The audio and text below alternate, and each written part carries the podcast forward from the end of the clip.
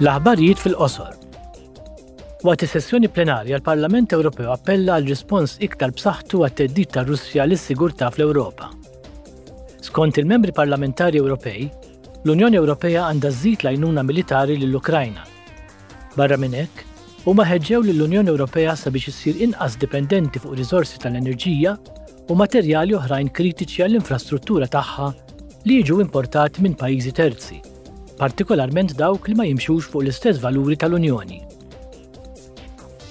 Marc Angel ġie elett bħala Viċi President tal-Parlament Ewropew. Huwa għandu 59 sena huwa membru parlamentari Ewropew Soċjalist mill-Lussemburgu li qed iservi l-ewwel mandat tiegħu. Is-Sur Angel qiegħed jissostitwixxi lil Eva Kaili bħala l-ħames Viċi President fil-Bureau tal-Parlament, wara li l-Membru Parlamentari Ewropew Griega ġiet miżmuma taħt arrest għal finijiet ta' investigazzjoni dwar korruzzjoni. Fi Strasburgu, is-Sur Angel irċieva l-maġġoranza assoluta tal-voti mitfuqa.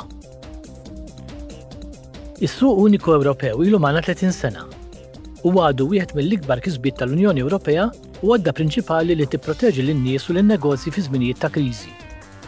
Waqt is-sessjoni plenarja, il-Parlament adotta test li jiddeskrivi l-iktar sfidi urġenti li s-Suq Uniku qed jiffaċċja bħalissa.